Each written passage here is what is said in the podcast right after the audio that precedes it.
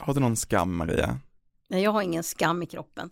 Inte? Jo, då, jo, men, jo det har jag. Men jag tror att du, du får börja. Har, är det någonting du skäms för som har att göra med klimatet? Jag tycker den här podden mer och mer utvecklas till en, så här, ett, ett språkrör för, för liksom fel jag gör eller bekännelse hela Ja, tiden. men är inte det ganska skönt att ha ett, ett utrymme för lite bekännelser? Mm.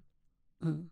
Jo men vi har pratat lite om det här med resor är ju liksom min, min största akilleshäl Mm. på något sätt när det kommer till klimatet Mm. och, och jag har ju också erkänt att jag tog flyget till Berlin Mm. eh, för att fira nyår. Eh, och, och du har också velat diskutera med mig att det faktiskt går tåg och, och sådär. Mm. Men då har jag ju en viss flygskam faktiskt för det, såklart. Ja, just det. Mm. det. Det är spännande det där med, med flygskam, för att jag har ju slutat flyga sedan en tid, men jag har ändå flygskam. Ja, dels kan man ju skämmas för, fly, för flygresor man har gjort, men det, det var ett, Ja, det är dina tag... flygresor som gör att jag inte kan flyga mer. Ja, precis. Jag har tagit dina flygresor. Exakt. Nej, men ehm, jag passerade, eh, eh, passerar ibland på väg till möten. Öv, eh, ja, alltså jag behöver komma upp på Kungsbron från, eh, från T-centralen på, eh, i Stockholm. Okej, Och närmaste vägen är över Arlanda Express perrong. Men det var så faktiskt att när jag jobbar som mest med den här eh, undersökningen som handlar om människors Jaha, men flygbeteenden. du menar expressperrongen, alltså i Stockholm Ja, city? ja, jag trodde du menade att den närmsta vägen var via Arlanda. Nej, nej, nej, det är den inte. Men den är i Stockholm city. Okej, nu fattar jag. Ja. Jag var jätteförvirrad. Och då var det så att, eh, att, att då visste jag, då hade jag just eh, stå, eh, varit med i något i tv-program och pratat om vår Wow. rapport och jag hade, eh, ja, men jag har deltagit i massa olika debatter och verkligen eh, dessutom berättat om mina egna flygresor, att jag hade slutat apropå det här. Jag har använt mig själv som exempel och så vidare. Och då, då stod jag nästan inte ens ut och passerade den där perrongen.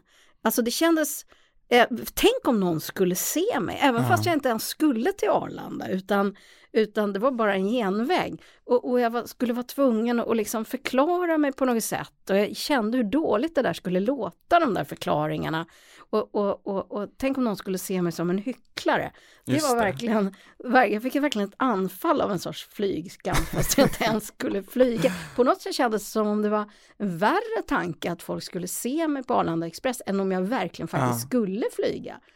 Och det Om där du är hade ju, kunnat flyga helt i hemlighet, att ingen hade någonsin fått veta det. Ja, jag hade ju förmodligen inte gjort det ändå. Nej. För att, men, men det var ändå intressant hur den här känslan av att det betydde någonting, hur eh, eh, eh, Ja, att, jag, att, inte det jag, att det inte framstår som om jag gör något som krockar med de idéer som jag håller på att jobba med. Men skam är väl en högst eh, social konstruktion, tänker jag.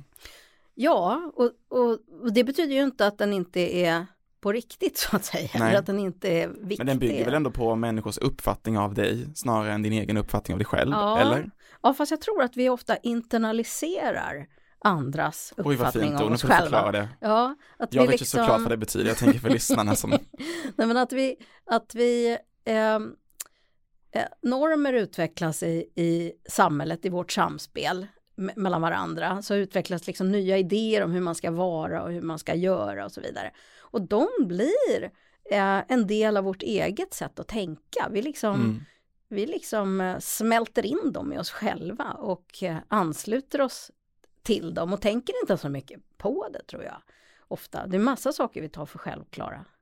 Så, som vi inte liksom eh, eh, funderar så mycket Mm. över. Men nyårslistorna de senaste åren har ju fyllts med olika typer av skamord, men också motsatsord till skamord, alltså eh, typ, eh, det finns sån här tåg, eh, positiv, ja, jag kommer inte ihåg vad den är nu. Just Eh, det. Nej, men vi har ju flygskam och köttskam och klimatskam och barnskam. Just det, Eh, skam, alltså jag. för, skam för att man fött barn. Alla möjliga olika sorters eh, eh, sådana där ord. Ja, vad kallas det där? När ja det är som man, att ta tåget. tågskryt. Tågskryt, just det, ja. Tågskryt. ja men exakt. Ja, precis. Ja. Eh, och de här, alla de här eh, skuld och skambeläggande orden ska vi prata lite om idag, om det egentligen funkar eh, och vilka är det egentligen som utövar den här skammen mot oss? Är det oss själva eller är det en, en Illuminati-organisation som sitter och skapar nya skammar för att liksom eh, vi ska flyga mindre eller vad det egentligen är? Det ska vi utforska idag.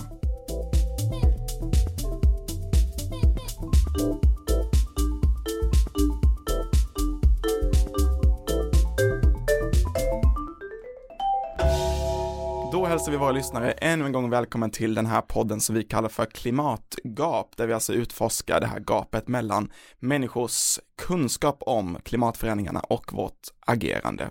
Och den som eh, utövar liksom expertrollen i den här podcasten är Maria Wollratz Söderberg. Hej Maria! Hej Isak, men du är väl också en expert på de här frågorna. Vi har ju alla många erfarenheter av det här gapet. Ja, det har vi absolut. Min är kanske lite mer privat utforskad än du har ju mm. på papper ändå en, en, en, en eh, mer gedigen erfarenhet av att, av att tänka kring de här termerna. Och idag ska vi utforska det här gapet då eh, eh, ur perspektivet av skam och flygskam och sådär. Vi pratar lite om vi har de här olika typer av skamkänslorna eh, såklart. Eh, det första jag tänkte vi skulle kanske behöva reda ut lite var eh, skillnaden mellan skam och skuld. För det är lätt att man också känner en, en, en skuld i allt detta. Ja, men det var bra att, att eh, du tar upp. Man brukar ju säga att skam har, har att göra med hur andra ser på en och eventuellt då hur man äh, äh, ser på sig själv i ljuset av hur andra mm. ser på en. Medan skuld kanske mer är en inre eh, eh, Eh, en inre ansvarskänsla, eh, eller det som man brukar kalla för samvetet. Det är kopplat till samvetet. Men gränsen är nog inte så himla tydlig egentligen med vad Nej. som i praktiken med vad som är skam och vad som är skuldkänslor. Mm. För, där, för anledningen att jag tar upp det är att jag tänker att, att mm. skam, mm. som vi sa mm. tidigare, bygger ganska så mycket på andras människors syn på dig själv. Mm. Men det vi egentligen kanske borde känna är en viss skuld av att ta flyget till exempel, för vi vet att vi faktiskt då bidrar till den här klimatförändringen eh, som eh, förvärrar möjligheten för fler generationer att leva på jorden.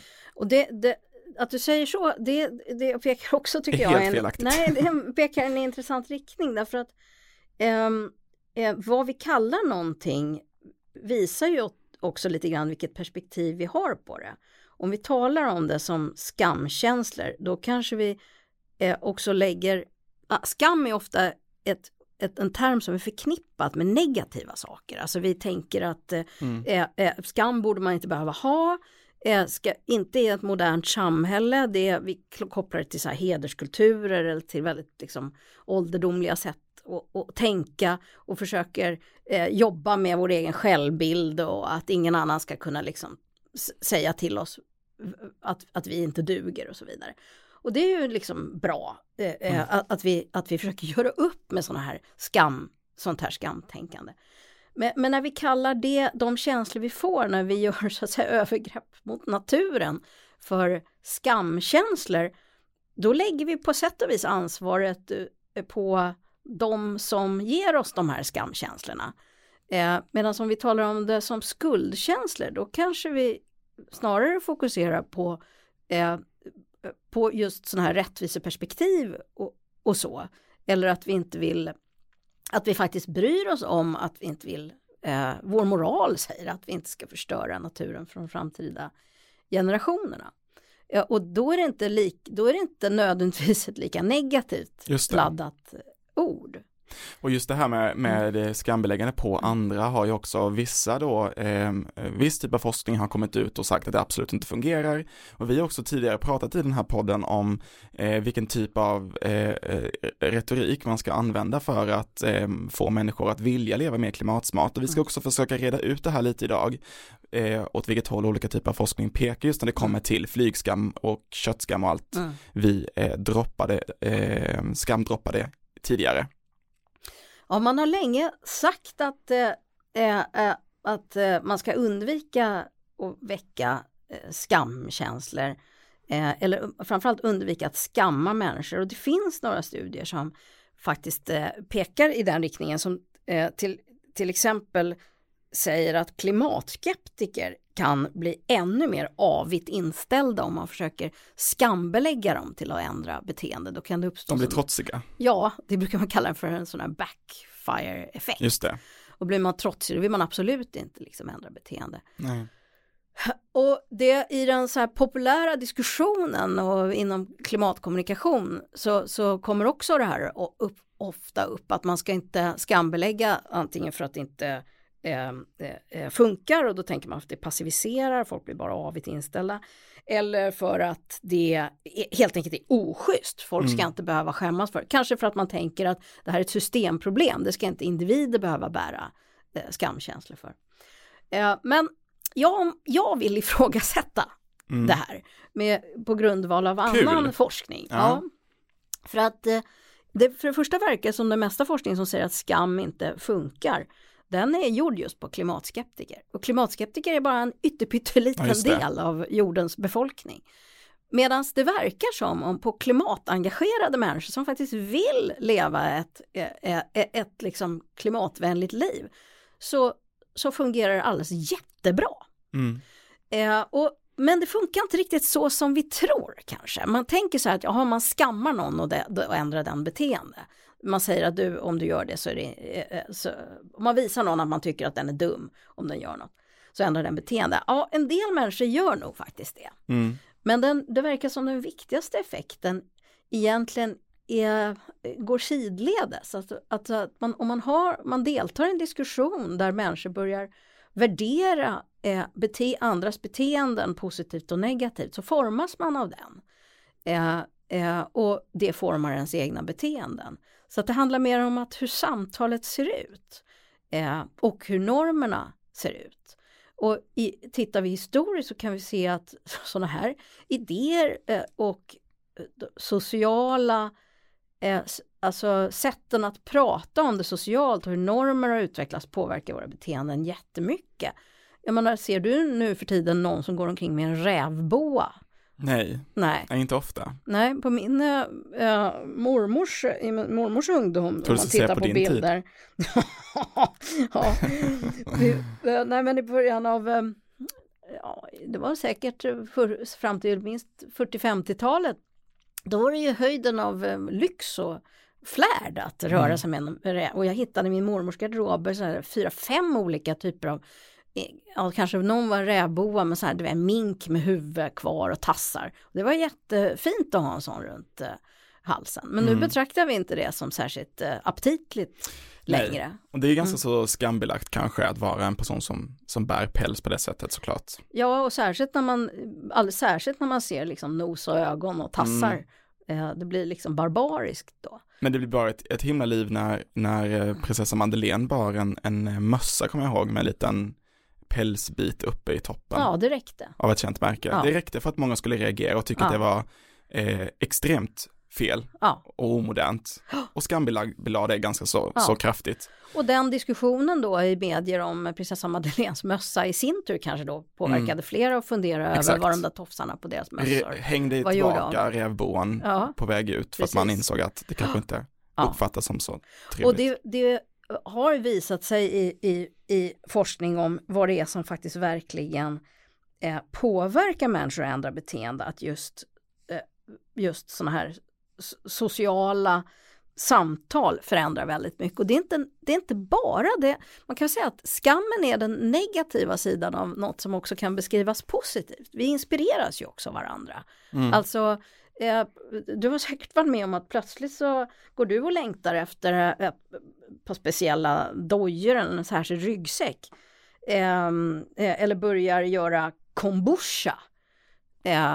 och så upptäcker du, tycker du att du är så himla originell. Liksom. Okej, okay, jag kanske berättar om mig själv här.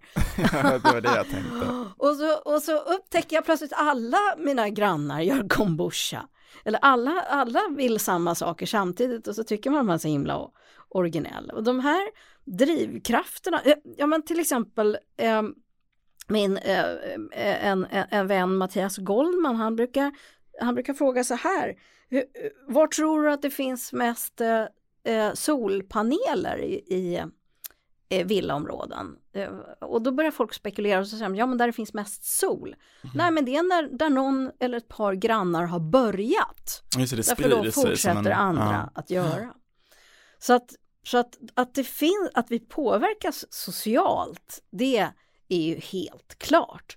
Men sen verkar det inte kanske vara så himla fruktbart om, man, om jag vill få dig att ändra beteende, att jag, att jag är sådär jag är väldigt person, skambeläggande och konfrontativ. Om jag är en person som redan flyger mycket menar du eller? Ja, fast det är inte helt säkert heller att det är helt meningslöst. Därför att i den här studien som vi har gjort med människor som slutar flyga så är det faktiskt rätt många som vittnar om att en avgörande händelse var när en granne eller en vän ifrågasatte deras beteende eller kommenterade en resa de, som de hade postat på Facebook med att ja men har du tänkt liksom på eh, klimateffekterna eh, effekterna av det här. Ja.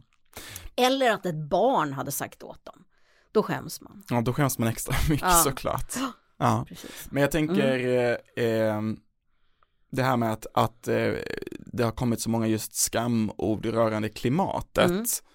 Eh, för det finns ju mycket andra grejer, jag, jag satt och funderade lite så här, vad finns det för andra grejer som är väldigt eh, skamfullt att, att göra, är passiv rökning till exempel. Eh, Man använder ju skam väldigt mycket för att eh, få människor att sluta röka. Mm. Det är, man menar att det är, det är äckligt och det påverkar andra och det Mm. skräpar ner och det är liksom dåligt. Man, Mm. man vill gärna rikta hela den där retoriken eller synsättet på rökare som att det är, det är ganska skamfullt Mm. att röka. Men det, jag vet, vad jag vet så finns det ju ingenting som heter rökskam till exempel. Ja, jag tycker att det är intressant att, att, eh, att den här, det här skamperspektivet blivit så eh, ak- aktualiserat liksom i den här, jag tror att det är en försvarsmekanism. Alltså Mm. om vi talar om det som skam, då kan vi också värja oss från det och säga att ja, om det här är någon som lägger på mig och det är inte riktigt schysst för man ska inte behöva skämmas. Eh, så jag tror att det är lite grann av en sån, sån försvarsmekanism. Men tittar man på människor som faktiskt har ändrat beteende i, i och det finns flera olika studier, bland annat den som vi, vi har gjort också själva, som den här som jag har nämnt som handlar om människor som har slutat flygande, flyga, då är det jättemånga som lyfter samvetet, men de nämner inte skam. Eh, eller de, skam är inte någon, en del av dem nämner skam, men det är inte det de lyfter fram som avgörande, utan det är samvetet. Samtidigt kan man ju tycka att det är märkligt att alla de här människorna har samtidigt kommit på att, samtidigt fått skuldkänslor och samtidigt eh, känt att det här är inte okej. Eh, och, och, och på så vis så kan man ju ana att de ändå är påverkade av, det, de, av, av, den, av debatten, av de, det so, sociala samtalet på olika sätt. Och det är också många som vittnar om att det här blev eh, eh, att det här skedde i samband med att det var diskussioner på jobbet och i familjen och Mm. att det var mycket om de här frågorna i tidningar och så vidare. Men de uppfattar inte att de har blivit skammade till det här förändrade beteende utan att det är samvetets röst. Men är de här skamtermerna en frukt av att det ändå har blivit en, någon form av normförflyttning när det kommer till till exempel eh, eh, flygen också där som det kanske inte på samma sätt har blivit då till exempel med rökning eller Rävbron var jag på väg att säga men där har det måste det ju uppenbarligen Ja. skett en normförskjutning. Jag tror att det jag tror att det har skett normförskjutningar men det är en sorts stor förhandling där, där, där vi ömsom tar till oss eh, eh, och, och ömsom värjer oss eh, eh, mot det här. Men att det har blivit en moralisk fråga har ju att göra med att, jag tror jag i alla fall, att många har börjat se att det är kopplat till rättvisefrågor. Mm. Alltså att, eh, det- att, att det här med klimatet handlar om vem, ska, du eller jag få göra? Eh, ska, vem ska få förstöra och vem blir lidande? Och, och det är ju genuint moraliska frågor och då är det inte konstigt att, eh, jag menar, om vi inte ska moralisera i den här frågan, när ska vi någonsin göra det? Alltså det är en Mm. djupt moralisk fråga. Och eh, samtidigt så eh, eh, är vi kanske inte riktigt, det är himla jobbigt att prata om den som en moralisk fråga Mm. också. Men jag tänker också att den här idén om att eh, eh, använda skam som ett sätt att få människor att, att ändra sitt beteende bygger också på någon form av eh, idé om att människan har ett behov av att inte vara skambefläckade så att säga. Ja, fast jag vill invända mot det, äh, det här, alltså, den här idén om att använda skam. Egentligen kan man ju undra så här, är det någon som tänker så här, ja men nu ska vi använda skam här. Jag tror snarare att det handlar om att människor diskuterar det här som en moralisk fråga. Och de som då tycker att det är jobbigt, eh, diagnostiserar det som ett skambeläggande. Mm. Eh, eh, däremot så vet jag att det finns eh, inom klimatkommunikation idéer om att jobba med sociala eh, förändringar och, och, jobba med grupper och att eh, stöd, stödja sådana här samtal så att de eh, därför att man vet att människor påverkas att förändra beteende. Eh, om de får veta om andra som har gått före och goda exempel och så vidare. Men, men i allmänhet så är det ju så då att i, i olika typer av kampanjer och så här påverkansförsök så jobbar man med positiva exempel för man tror ju i allmänhet mer på det. Mm. Eh, eh, så att jag vet inte riktigt om det är en rättvisande bild att, att det sker en, en sorts liksom strukturerat och strategiskt skammande. Nej men jag förstår. Nej, men mm. det kan jag nog hålla med om men den termen har ju ändå liksom så här dykt upp på en och samma gång och mm. de har använts väldigt mycket i, i, i, i klimatdebatter och, och, och eh, texter och sådär mm. liksom för att eh, eh, jag vet inte, problematisera hela idén om att vi mm. eh, flyger för 499 tur och tur till mm. ut till Europa liksom. Eh, men det är väl så att det, det, det samt, i, sam, i det offentliga samtalet så har man börjat koppla eh, sådana här val till egna till, e, till det egna ansvarstagandet, till individens egna ansvarstagande. Och då eh, är det ju väldigt jobbigt liksom, mm. för oss. Och, man, och eh, eh då kan man eh, då är det ganska naturligt att man upplever det som, som um, oschysst av andra liksom att kräva saker av mm. en. Och uh, att man värjer sig mot det på, på, på olika sätt. Och, och då tror jag att den här tankarna kring uh, skam, uh, eller att man kallar det här flygskam, är ett sätt liksom att värja sig mot det. Mm. Men det är intressant, kommer du ihåg eh, i höstas så var det, nej var det förra våren, så öppnades det här kontot aningslösa influencers. känner inte igen. Nej, det var så att det var några influencers som, ja, hade, det, som, hade, ja, som hade engagerat sig i klimatfrågor och så hade de ungefär samtidigt eh, eh, publicerat bilder på sig själva på mm. eh, fancy resmål, liksom, där man förstod att de hade flugit. Och, då, och sen räknar någon ut deras eh, eh, klimatpåverkan. Klimat, ja, precis. Ja, och så öppnas det här kontot där det publicerades sådana här. Mm. Eh, och, och det här, det är intressant därför att den här, det finns ju få saker som är så förödande för eh, förtroendet. För, som att bli beslagen med hyckleri. Mm. Eh, att någon uppfattar en som att, eh, som att man inte hänger ihop eller att det finns en spricka i en. Ungefär som jag kände när jag gick på Arlanda Express perrong. Mm. Eh, vi är skiträdda för det. Ehm, eh, och i, i DN här eh, häromdagen så var det ett, en artikel som, som handlade om hur människor hanterar om de blir beslagna med att ha haft fel.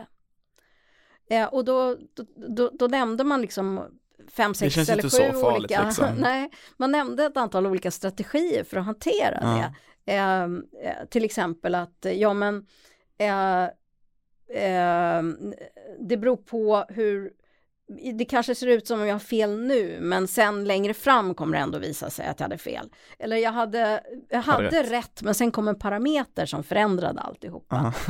och det här bara visar hur oerhört svårt det är att liksom eh, ändra uppfattningen om man inte kan göra det med värdigheten i behåll. Mm. Vi är så rädda att tappa ansiktet eh, på olika sätt. Jag minns, eh, apropå att mm. tappa mm. ansiktet, ett mm. nyhetsinslag där man gick, det var ju mm. just eh, eh, i den här liksom vågen av de här termerna man började mm. på riktigt prata om att, att eh, eh, att känna skam för att man flyger också. Mm. Alltså var de ute på en flygplats och intervjuade personer som mm. stod liksom i kö till sina gater och sådär. Och frågade dem öppet sådär, känner du ingen flygskam nu eller sådär? Och jag blev förvånad hur alla de här människorna liksom helt, helt skamlöst eh, hävdade absolut nej. Ja. Det här är liksom, vi har förtjänat detta, eller jag kommer inte ihåg vad deras Mm. argument egentligen var, men de var liksom förvånansvärt eh, eh, obrydda av att eh, Mm. eh, en, en, en, ett känt nyhetsbolag, eh, jag kommer inte ihåg om det, om det Mm. var SVT eller TV4, Mm. som, som eh, frågar dem så öppet liksom Mm. vad de känner inför sin resa. De är liksom uthängda på riks-tv att de nu ska flyga till Kanarieöarna. Och de var extremt obrydda om det och då blev jag förvånad och tänkte att då har ju uppenbarligen inte den här idén om att eh, skambelägga eh, fungerat. Eh, om det inte är, och det var därför min fråga var hur liksom benägna det vill, hur stor är viljan egentligen hos människor att faktiskt eh, eh, ur andras perspektiv vara liksom en, en god människa och inte bära någon skam då gentemot andra. Men jag håller med att det kommer till att ha fel och många andra sådana grejer där vi är extremt känsliga och, Mm. och hittar sätt att komma runt det. Men Mm. de här försökte inte ens bortförklara varför de skulle resa. Det, det var inte någon sjuk mormor i, i Spanien Nej. och var tvungna att, Nej. att besöka eller det, och det var, det var inte att de hade klimatkompenserat Mm. genom att eh, plantera träd, vilket man också kan diskutera hur väl det fungerar. Men, men utan de var liksom tvärsäkra eller tvärfasta eh, Ja. eh, vid att de liksom, de ska flyga och de känner ingen skam. Men eh, normer är ju eh, något som flyttar på sig ganska långsamt. Det händer ibland att det blir, blir snabba, snabba genomslag för nya normer. Men normalt så flyttar det på sig lite långsamt och i särskilda kretsar. Liksom. Mm. Och du och jag eh, eh, som intresserar oss för sådana här frågor, vi befinner oss nog i kretsar där det, där det är den som eh, eh, flyger som måste förklara sig Mm eh, snarare än tvärtom. Eh, men det var inte länge sedan det var stack ut och, om man hade bestämt sig för att inte flyga, i alla fall om man talade om det för någon. Och jag påminner mig nu om, eh, jag har varit vegetarian sedan jag var ganska eh, liten. Min mamma var vegetarian så det var väldigt enkelt då, och, och för mig. Eh, men ända tills för 10-15 år sedan så var det jag som fick förklara mig, även om jag inte har ägnat mig åt att missionera på något sätt om vegetarianism. Det räckte att jag var på en middag och hade och inte åt köttet så var det någon som såg det och då förväntades jag liksom kunna ha en förklaring. Men nu är det eh, precis tvärtom. Jag säger inte ett pip om vad jag har på min tallrik men den som kommer med en, en, en bit filé känner uppenbarligen ett stort behov av att förklara för mig att ja, jag äter inte så mycket kött, det är bara när det är fett, men nu, så, fest, men nu såg det så gott ut. Så, Ja. så någonting har ändå hänt liksom i, i, när det gäller normer. Och det gör att Kan det de här- bara vara så enkelt att du har slutat förklara det helt enkelt? För varje gång någon som äter vegetarisk kost förklarar sig så, så, så påvisar det på något sätt att normen är att äta kött. Ja, ja, det är väldigt svårt att veta, men, men i vilket fall verkar det ha skett någon sorts, liksom, åtminstone i de sammanhang jag befinner mig någon Mm. sorts omsvängning i hur man tänker kring eh, sådana här saker. Och eh, det är kanske det, det är det sättet som människor förändrar beteende. Det är genom att normer förändras. Eh, eh, och- och att det får ett större och större genomslag. Och det är det här skambeläggandet då ska vara en del av eventuellt. Nej, jag, det om man säger att Nej, skambeläggande, då är det som att någon belägger folk med skam. Och så, det kan förstås hända, det gjorde ju de här som gjorde ska, kontot aningslösa. Ja, men jag tänker, har, Influencers. termen har väl inte myntats av människor som, som har flygit och sen gått ut och sagt att gud jag känner sån extrem flygskam. Utan de har väl myntats av människor som inte flyger möjligtvis då. Nej, jag tror faktiskt att termen flygskam snarare har myntats av människor som är lite förbannade över att någon skambelägger dem. Jaha, okej. För att de som har slutat flyga, i alla fall i, i de, de, den undersökning vi har gjort och ett par andra som finns, så, är, så ehm, ser inte ens de här personerna det i någon större utsträckning som en fråga om skam. Utan de talar om det som ett sorts liksom, moraliskt beslut eller att de vill ta ansvar och så vidare. Så att eh, skam verkar inte riktigt vara en medveten issue för Nej. personer som, som har slutat flyga. Utan jag tror snarare att den här termen används i, eh, eller det kan man se om man tittar på, på, på, på var den används. Den används när eh, eh, eh, i sammanhang där man är kritisk mot kravet på att man inte ska flyga. Apropå det här vi pratade lite om innan, det här nyhetsinslaget då som, som eh, jag tror både du och jag kände igen att man intervjuade folk på flygplats eh, och frågade om de hade flygskam. Eh, så såg jag för några eh, dagar sedan, eller någon vecka sedan sådär, så var det eh, istället ett, ett radioinslag där man stod på terminalen med eh, Gotlandsfärjan eh, och intervjuade människor som nu mitt i, i pågående pandemi skulle ta färjan från Stockholm till Gotland.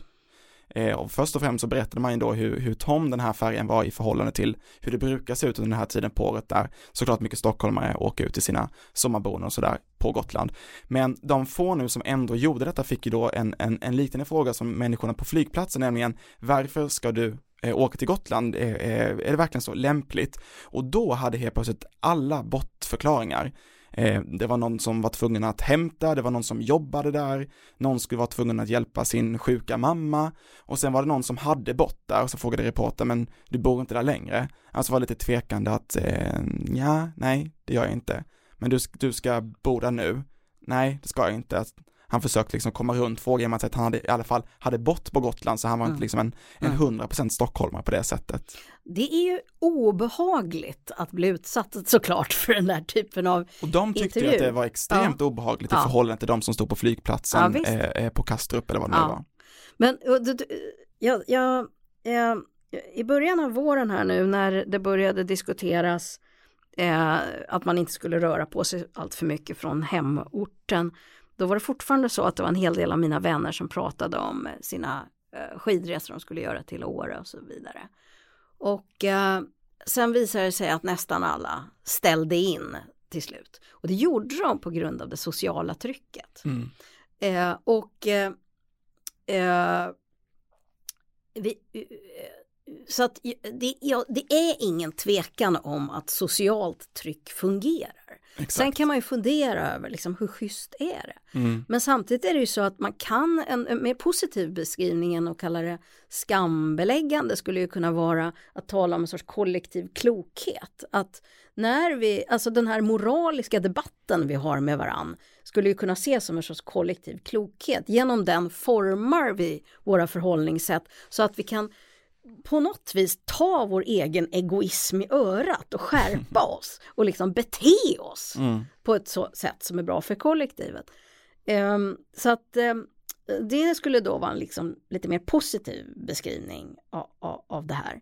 Men jag tänker på detta, du sa att de här som stod på flygplatsen, eh, de verkade helt obrydda. Ja, det kanske de verkade. Men... Skamfria var de kan ja, jag säga.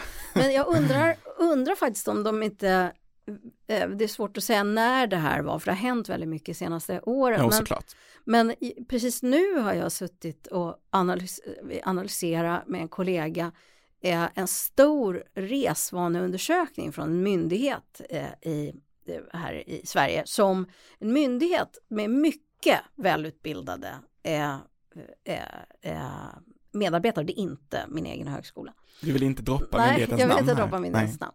Men och då har vi tittat på, då, vi tittar på, vi är inte klara, vi håller på att titta på de, hur man resonerar kring sin egen, sina egna resors eh, klimatpåverkan. Och, och i det här sammanhanget så är folk väldigt medvetna om att de eh, det finns några få som avvisar tanken att det skulle vara något problem med deras, utsläppen från deras resor. Men de allra flesta ägnar stor möda just åt att eh, motivera att just deras resor mm. var viktiga undantag. Och det betyder ju att man tänker att det behövs, alltså att man, att man på något vis svarar mot förväntningar som finns i en sorts norm. Just det. Eh, eh så Annars man hade man bara sagt att, att, vi gillar att flyga, ja, det går visst. snabbt eller? Ja. Man känner ett behov av att försvara ja. sig. Så att de är inte obrydda, den Nej. saken är klar. Men du, eh, eh, Isak, vad tänker du då? Hur gör du när du du är ju engagerad i, i klimatfrågor. Hur gör du när, som Oj, när du pratar med, med kompisar och, och, och eh, kring sådana här frågor? Undviker du för att det är jobbiga samtalsämnen? Alltså det finns ju en annan dimension mm. av skam. Det kan också vara pinsamt att vara den som håller på och driver eh, klimatfrågor. Ja, jag kände lite sånt ögonblick mm. eh, för nu i eh, påskas så, så besökte vi en en restaurang som, som eh, hade ett väldigt djuriskt namn kan man mm. säga. Det, den heter Djuret. Eh, och det, det säger sig själv då vad eh, de serverar för typ av mat och sen så eh, kollade jag igenom menyn och deras specialitet var ju liksom att det var olika typer av animaliska produkter i allt. Eh, liksom. Eh, och även fast jag äter typ mejeriprodukter och sådär så kunde jag inte äta deras smör för då var det liksom vispat ankfett i smöret och sådär. Och då fick jag ju eh, till kyparen säga, du jag har en liten dum fråga, vi var på han då påstod att det absolut inte fanns några dumma frågor. Men så sa jag, jo men jag lovar att den här frågan kommer vara jättedum. Men det är nämligen så att jag är vegetarian mm. eller jag, jag äter inte eh, eh, kött. Mm. Eh, och jag ser ju här att det blir ganska svårt mm. på er restaurang. Mm. Så då fanns det ju en vegetarisk meny, så han sa jag måste bara försöka hitta vår vegetariska meny, sa han. Eh, det var ju väldigt tydligt då liksom på den här restaurangen att, att eh, det var ju helt fel plats för mig att liksom mm. fråga efter den här typen av mat och mitt sällskap tyckte det var ganska så kul, typ, men Isak varför beställer du vegetarisk mat? Vi är ju på en restaurang mm. som serverar tydligt mm. bara kött liksom, det var liksom deras mm. specialitet. Mm. Så där hamnade jag i underläge direkt liksom mm. beroende på min miljö. Men sen kan jag ju vara i andra miljöer där jag är, känner att jag är i överläge, där jag mm. hamnar i precis det läge som du säger att, att mm. människor som, som, som äter eh, Eh, jag ska också säga bara så att mm. alla som lyssnar på detta som har bildbevis, jag är inte nitisk vegetarian så här.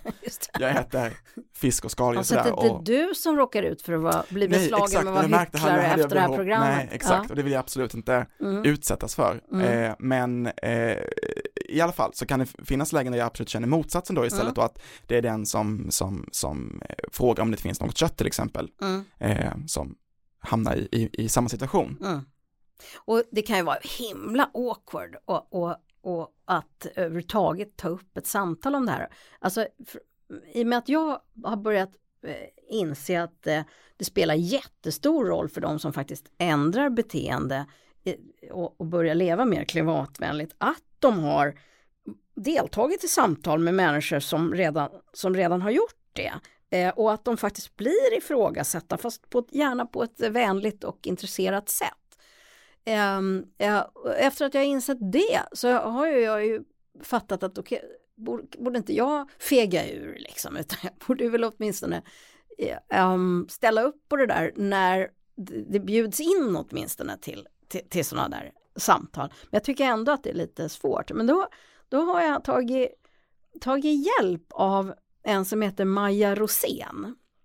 Mm. Och Maja är den som har drivit och startat den här eh, ja, rörelsen Flygfritt. Flygfritt mm. 2020 och så vidare. I sociala medier och det finns en grupp som heter ja, Jag stannar på marken tror jag. Och eh, Maja har skrivit eh, ner sina erfarenheter från att ha haft tusentals samtal med människor om deras flygande.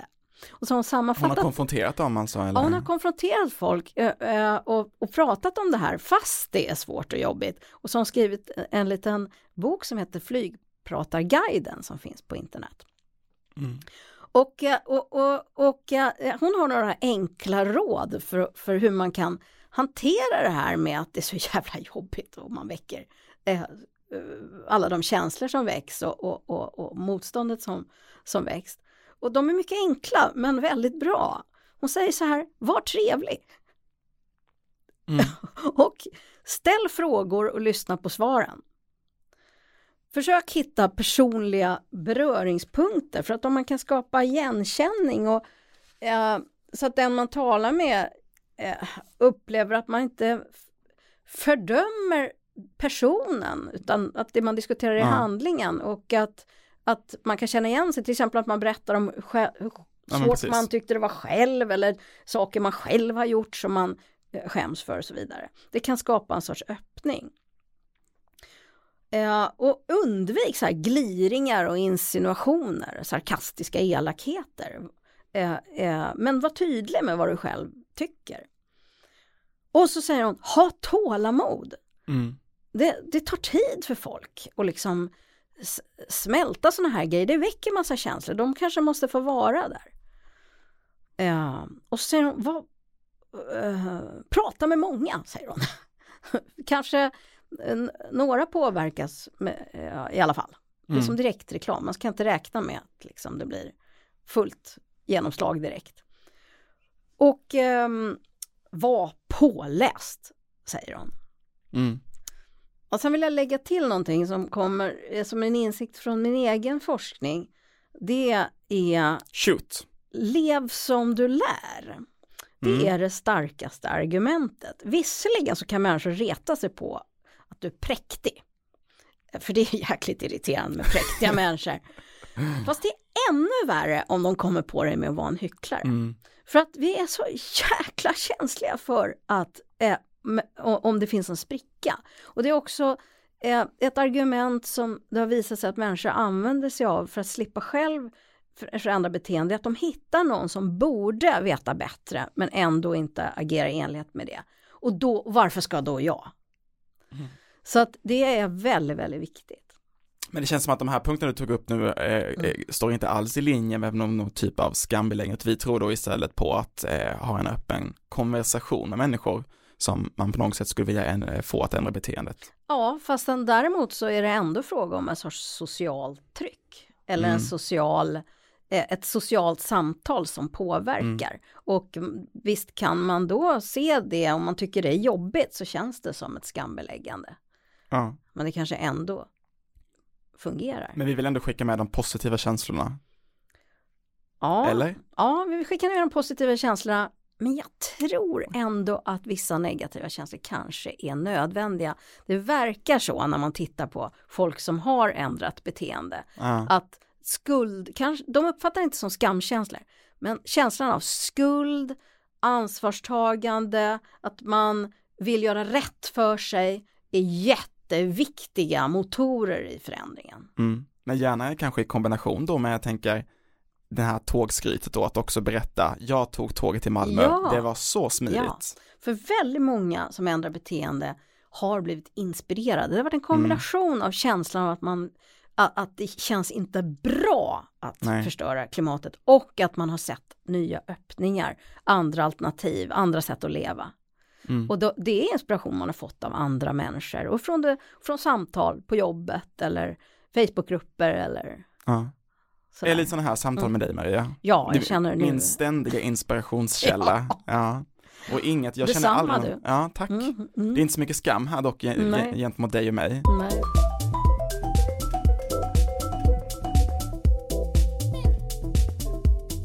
Klimatgap produceras av Södertörns högskola. Exekutiv producent var Emily Smedslund. Producent och tekniker var Ulf Larsson.